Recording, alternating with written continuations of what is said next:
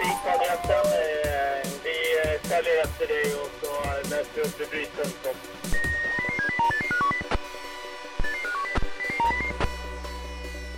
Välkommen till Blåljus Tyresö här på Tyresöradion. Jag heter Jerker Pettersson. I det här sextonde programmet i serien ska vi tala med Tyresö kommuns brottsförebyggande strateg Ola Åkesson om hur många brott och vilka typer av brott som begicks 2018 i Tyresö. Vi kommer också att ta upp vikten av att anmäla och att ringa 112. Över till studion.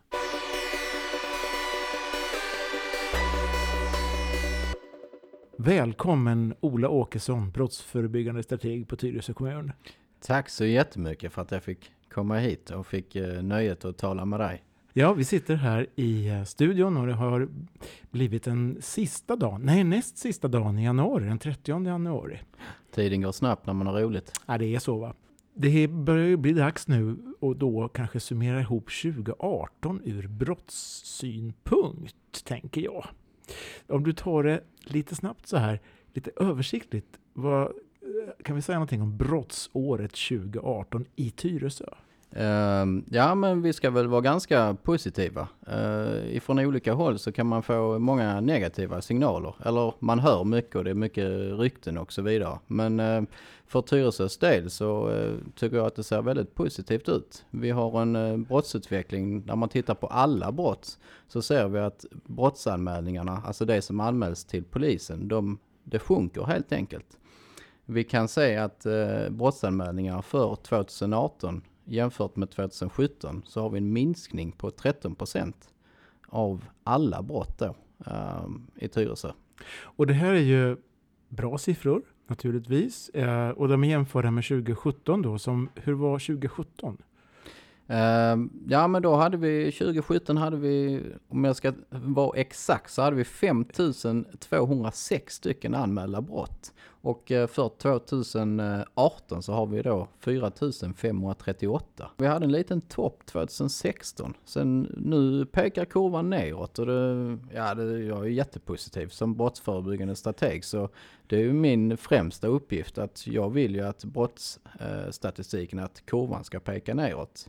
Jag vill ju att det sker mindre brott i kommunen och att fler ska känna sig trygga. Det är mitt främsta mål. Så att för min del så är jag jättenöjd.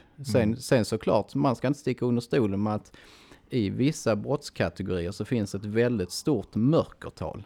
Det kanske vi kommer att tala lite mer om längre fram i programmet. Så generellt sett, det anmälda antalet brott, och det gäller då alla brottskategorier, går ner med hur många procent sa du? 13 procent för 2018 jämfört med 17. Och hur står sig det i förhållande till landet i stort då? Landet i stort, då kan vi konstatera att antalet anmälningar som anmäls till polisen, då ökade faktiskt.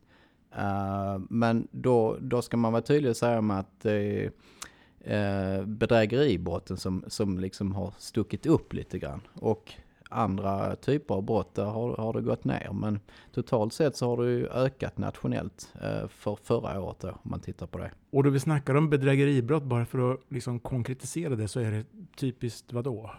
Ja men det som har ökat som, som vi säkert, som vi nästan läser dagligen i media, det är ju de här bedrägeribrotten, att framförallt att man utsätter äldre för bedrägeribrott. Att man lurar äldre och lämnar ut, ja det är personnummer, det är mobila bank-id och, ja, och så vidare. Man, man lurar folk och, på pengar helt enkelt. Man lurar, lurar dem till att eh, lämna ut sitt BankID. Man ber dem trycka, in, trycka in sitt lösenord till BankID på olika sätt. Och på så vis så kommer man åt, eh, ja, de äldres är det ofta då, eh, deras pengar. Man kommer in i deras bank helt enkelt och mm. lyckas ta deras pengar. Så det är så att säga digitala brott skulle man kunna prata om ja, också då egentligen. Ja, precis. Den här bilden då att eh, antalet brott faktiskt går ner, den kan ju kontrastera lite grann mot den bild som vi kan se i media och i olika flöden och så här. Hur ser du på den där kontrasten mellan vad vi ser och hur det faktiskt är? Ja, alltså ska jag vara helt ärlig så följer jag ju inte all, allt flöde så att säga i social media för då skulle jag inte ha, ha någonting annat att göra. Men, eh, Men om du tar vanliga medier så skrivs det ju rätt mycket också. ja, absolut så är det. Men, men jag måste ju faktiskt titta på den faktiska verkligheten. Hur ser det ut? Vad anmäls till polisen? Vilka andra signaler får jag in till mig från, från annat håll så att säga? Ehm, så att vi, många gånger är ju medias bild eh, en del av sanningen och ibland så tycker jag att man förstorar upp lite grann och att det får lite för stort utrymme att ja, men folk blir, blir rädda helt enkelt att man får en ökad otrygghet av allt man läser eller Mm. efter allt man Mm. läser. Vi ska återkomma i ett annat program till den här medborgardialogen där ni undersökte tryggheten. Men om vi bara lättar lite på täcket till det just nu. Vad, lite så här grovt, vad var signalen om vilken trygghet eller otrygghet man upplever? Då ska jag säga att de flesta känner sig faktiskt trygga i kommunen, vilket jag känner mig nöjd med också. Um, dagtid i alla fall. Sen en del upplever en större otrygghet kvällstid, eh, när det är mörkt ute. Vi, vi kommer att gå in på det mer sen, detaljerna. Mm, vi tar det i nästa program. Du, Ska vi ta och titta lite grann då på det här med brottsutvecklingen eh, eller, eller anmälda brott och eh, börja med vilken är den största brottskategorin? Ja, eh, det vanligaste brottet, vi har ju talat om det här tidigare och eh, för Tyresös del då, jag koncentrerar mig på Tyresö för det är ju här jag jobbar och verkar. Ja, det är ju det. och jobbar för Tyresös bästa, eller kommuninvånarnas bästa ska jag säga. Men eh, för Tyresös del då är det skadegörelsebrotten som, som ligger i topp på den här ligan då av flest anmälda brott. Och i de flesta fall så handlar det om klotter. Och det är tyvärr sånt som vi ser ganska mycket av runt om i kommunen. Så jag ska säga så här att förra året så, så hade vi totalt sett 4500 brott cirka anmälda. Och eh, nästan en fjärdedel av de här är skadegörelsebrotten. På andra plats så hade vi stölderna i den här, ska jag säga, dåliga ligan. Eh, Ja. eh, och på tredje plats så har vi misshandelsbrotten. Om du tar de här tre, hur, är det någon, har alla sjunkit nu då? Jag vet att skadegörelsebrotten har ju sjunkit med över 20 procent om vi jämför med 2017. Mm. Eh, jag har för mig att stölderna ligger på ungefär samma nivå. Mm. Eh, Man kan ju grotta ner sig i statistik hur Ja. mycket som helst givetvis. Eh, Och misshandelsbrotten ligger på ungefär samma nivå. Om vi går vidare då i listan, vad kommer sen? På fjärde plats i den här inte så roliga listan då har vi narkotikabrotten. Ja, det är inte topp 10 utan det är, down, det är down 10 eller Ja, någonting. så kanske vi ska Mm. säga. Men eh, där har vi narkotikabrotten. Och eh, där har vi 223 fall av narkotikabrott och det är ju uteslutande polisen som skriver de här anmälningarna som berör narkotikabrott. Det kan handla om att man blir rapporterad för att man har brukat narkotika eller att man har innehaft narkotika eller att man blir rapporterad för att man har sålt narkotika. Just det, det är ingen i allmänheten som ringer till polisen och, och anmäler att Svensson röker på direkt. Nej, visst det händer att folk tipsar, vilket är väldigt positivt. Men kanske inte att man tipsar om sig själv. Och där ska vi ju säga att narkotikabrotten har ju, där har vi nästan en minskning på 50 procent. Och då kan man ju kanske tycka att det är positivt, men oj vad bra att narkotikabrotten går ner. Det men, låter ju inte riktigt verkligt va? Nej, utan som jag sa så är det ju det är polisen som uteslutande rapporterar narkotikabrott. Och vi vet ju att tyvärr att polisen har varit väldigt ansträngda med grövre typer av brottslighet. Och sen så har man legat lite efter när det gäller utredningsverksamheten. Så att de, de poliser som jobbar brottsförebyggande ute i kommunen, de har tyvärr blivit anspråkstagna. I alla fall till stora delar av året har de varit tvungna att utreda brott, vilket också är oerhört viktigt att utreda brott, eh, måste jag poängtera. Men jag vet ju som brottsförebyggande strateg att det är ju inte så att man, det nu låter det här lite starkt kanske med att man knarkar mindre, men, men så är det inte. Utan det ligger på ungefär samma nivå, det är bara att polisen har haft inte lika stora möjligheter att, att rapportera folk för den här typen av brott. Kan du se någonting områdesvis? Alltså var sker brotten? Vilken typ av brott tänker du på då? Ja, det, ja, kan man se det översiktligt och se var är det mest brott? Om Ja, vi struntar alltså- i vilken kategori Ja men precis. Eh, De platser som sticker ut i Tyresö där det anmäls flest brott det är ju Trollbäcken faktiskt. Eh, och sen så har vi då uh, Graningsringen och Tyresö centrum. Det är de tre platser i kommunen där det anmäls flest brott. Och då är det utav de här kategorierna skadegörelse, stöld och misshandel och narkotika då, som är topparna så att säga? Ja, så kan man väl säga generellt sett. Det, det kanske skiljer sig lite från område till område. Är det något brott som sticker ut specifikt sådär som du tycker på i något område? Uh, ja, alltså jag får väl säga att skadegörelsebrotten känns som att de är lite vanligare i Trollbäcken, i området. Uh, och det är då klotter vi snackar om? Framförallt alltså. klotter, ja. Jaha, många klottrar i Trollbäcken? Tyvärr, Jaha. tyvärr. Mm -hmm, mm -hmm. Mycket pengar som går till spillo bara att sanera allt klotter. Mm. Vet du kommunens kostnad för klottersanering i huvudet? Nej. Inte exakt, det vet jag inte, men mm. det är en Många miljoner? Det är en hel del pengar som går åt till det här som hade kunnat användas mycket bättre till, till eh, barn och ungdomar i skolan till exempel än att sanera klotter. Kan man säga, säga någonting om anmälningsbenägenheten? Det snackas ju lite grann om att ja, men varför ska jag anmäla? Det sker ändå ingenting. Eller ja, det jag ringer 114 14 och får sitta en timme i kö och sådär. där. Eh, hur, hur kan man se på det i, i relation till de här siffrorna? Ja, alltså som, som gammal polis och även som brottsförebyggare i kommunen så vill ju jag självklart att alla brott som sker det ska polisanmälas. Jag brukar motivera det med, med, med några saker. Ett, vi vill ju såklart att alla anmäler brott och, och då, då, tycker jag att det är ju egentligen för att visa hur ser den faktiska brottsligheten ut för våra makthavare som sitter och bestämmer och kan liksom prioritera och kan ge resurser. Jag menar, man måste helt enkelt ha underlag och siffror för att kunna ja, för göra menar, något vettigt. Alltså. Precis, man får ju, om inte man anmäler brott så får ju inte de som sitter och bestämmer, får ju inte den faktiska bilden av hur ser det ut i verkligheten man får en, liksom en falsk bild av hur det egentligen ser ut. Sen så, sen är det såklart om du polisanmäler så eh, har du då som målsägande utsatt, du har då möjlighet att få liksom upprättelse för det du har blivit utsatt för. Och den misstänkte kan ju liksom helt enkelt, om man polisanmäler kan den misstänkte åka dit för brottet. Han eller hon kan få sitt straff och eh, kan hamna under vård om det är så. Nej men det är väldigt viktigt att även, även de som då utsätter andra för brott, att de liksom får sitt straff, straff och hamnar under vård. Mm. För att i slutändan kanske sluta med sin brottsliga verksamhet. Vill jag även, det är enklare också för den som har blivit utsatt för ett brott, att den ska få ett brottsofferstöd. Och det kan man få även om du inte polisanmäler brott. Men det är lite enklare, det sker lite automatiskt för att polisen är skyldig att fråga eh, när du anmäler brott om man vill ha eh, brottsofferstöd. Då eh, är det enklare att få ett brottsofferstöd att man blir kontaktad av brottsofferjouren till exempel.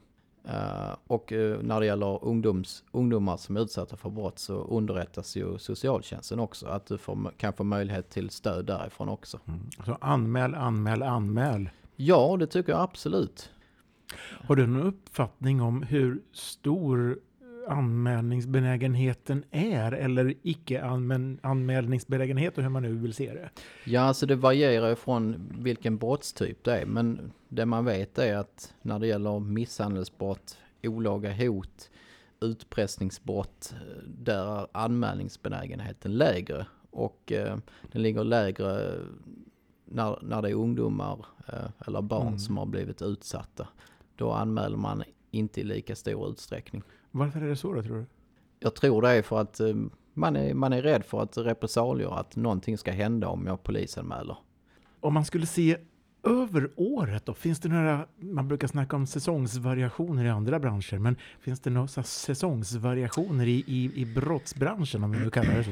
Ja, vi har säkert varit inne på det här tidigare, men på vintrarna när mörkret faller på, när den mörka årstiden, så är det ju inbrotten som har stuckit ut, eh, eller stuckit iväg rättare sagt, eh, att det sker fler inbrott. Ehm, och, ehm, och det kan vi ju se för eh, 2000 eh, 18 också att eh, under november månad så ökade inbrotten.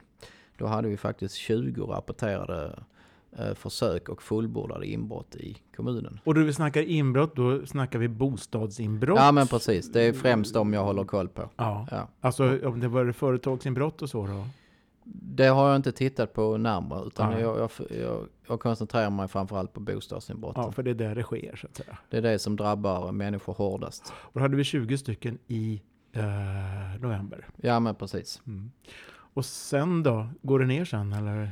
Eh, ja men i december så hade vi 12 stycken. Jaha. Eh, men när vi ändå är inne på de här med bostadsinbrotten så Ja. vill jag ju vill jag helt, helt enkelt eh, visa den, den riktiga bilden av, du pratade om det här tidigare, att det, Ja. det pratas så mycket på sociala medier och så vidare, att, att fler och fler blir utsatta för brott. Men nu kan vi konstatera att för Tyresös del så minskade inbrotten med, nu ska vi säga, jag tror det var 23 procent eh, för 2018 jämfört med 17.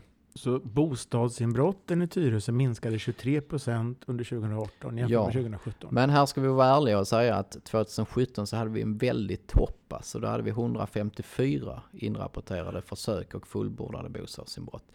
Och bostadsinbrotten nationellt, det minskar hela landet. Så att vi följer oftast den trenden att det som sker nationellt i landet så hänger vi med i den även i, i Tyresö. Hela Tyresö är en spegelbild av Ja, Sverige, men- eller, ja, eller är det tvärtom kanske?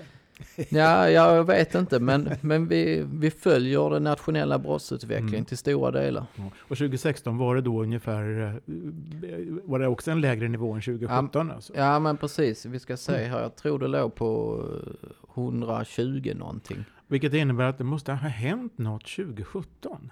Ja men det var en riktig topp där. Ja. Och när- vet du om det finns någon mm, generell förklaring där som det är nationellt? Varför Nej men en alltså topp? det man brukar tala om, vilka är det då som utsätter andra för den här hemska brottstypen bostadsinbrott? Eh, och då en tredjedel brukar man säga kriminella inresta ligor, alltså de som i stort sett sysslar med det här på heltid. Mm. Sen har vi den andra tredjedelen rör sig om missbrukare, alltså de som måste försörja sitt missbruk och då begår man bostadsinbrott. Och den sista tredjedelen är ehm, ungdomar och de som är livstidskriminella, alltså de som sysslar med kriminella handlingar. Organi- organiserad brottslighet? Ja, det behöver egentligen inte vara organiserat på det viset att man är i gäng och så, utan man, man lever på brottsligheten helt enkelt. Ja, och det behöver inte vara missbruksproblem heller då? nej, alltid, nej utan- det behöver du inte vara. Men det kan också vara så. Så Mm. det är ungefär en tredjedel var Mm. av de kategorierna. Och då under 2017 var det någon kategori där då som stack ut då, tror du? Eller? Mycket svårt för mig att säga. Jag, Ja. jag sitter inte med polisutredningar på mitt bord. Men Nej. man kan ju hoppas att, att man har, eh, gränspolisen har kanske lyckats sätta stopp för några inresta ligor. Att inte de har kommit in i lika stor utsträckning. Kan det ju vara så också att, att, att man lyckas bura in några så att säga kända inbrottstjuvar.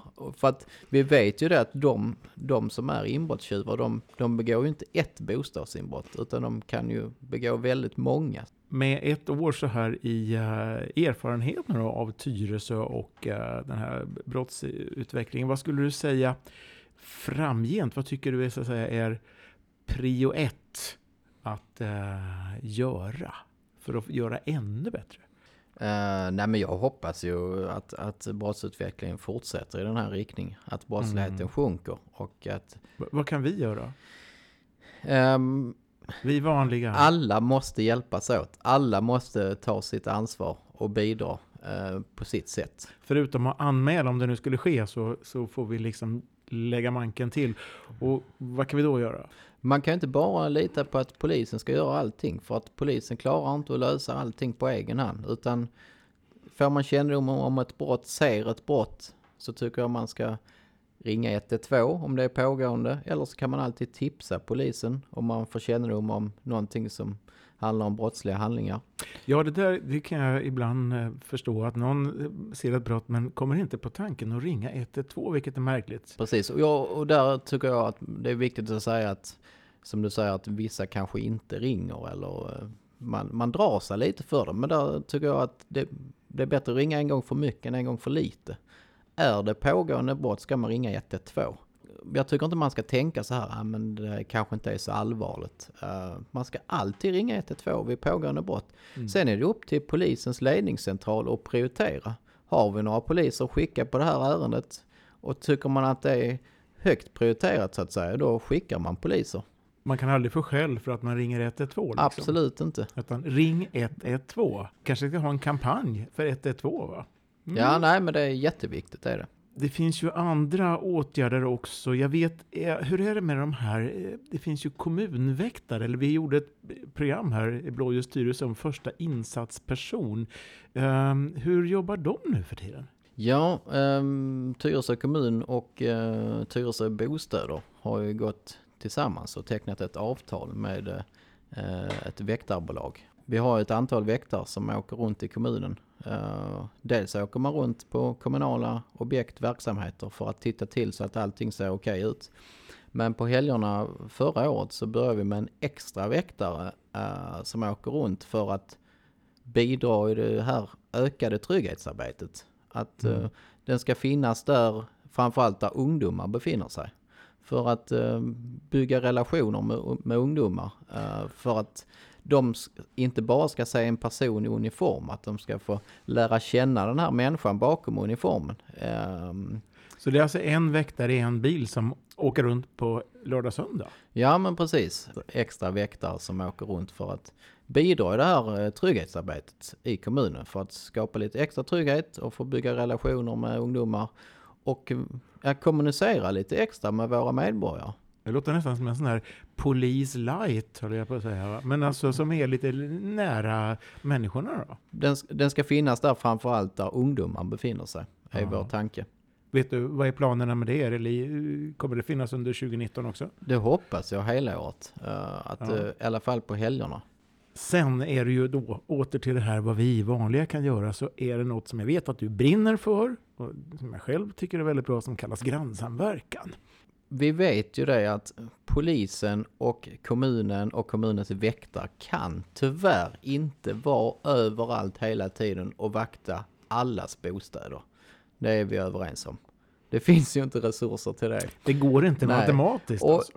Jag tycker inte man ska lägga över, som jag sa tidigare, man ska inte lägga över hela ansvaret på polisen eller på kommunen, utan vi måste alla hjälpas åt. Alla goda krafter måste liksom dra sitt strå till stacken. Mm. Och grannsamverkan är då ett sätt där vi kan hjälpas åt. Eh, så absolut, jag brinner för grannsamverkan och jag tror mycket på det att vi kan förhindra inbrott med grannsamverkan.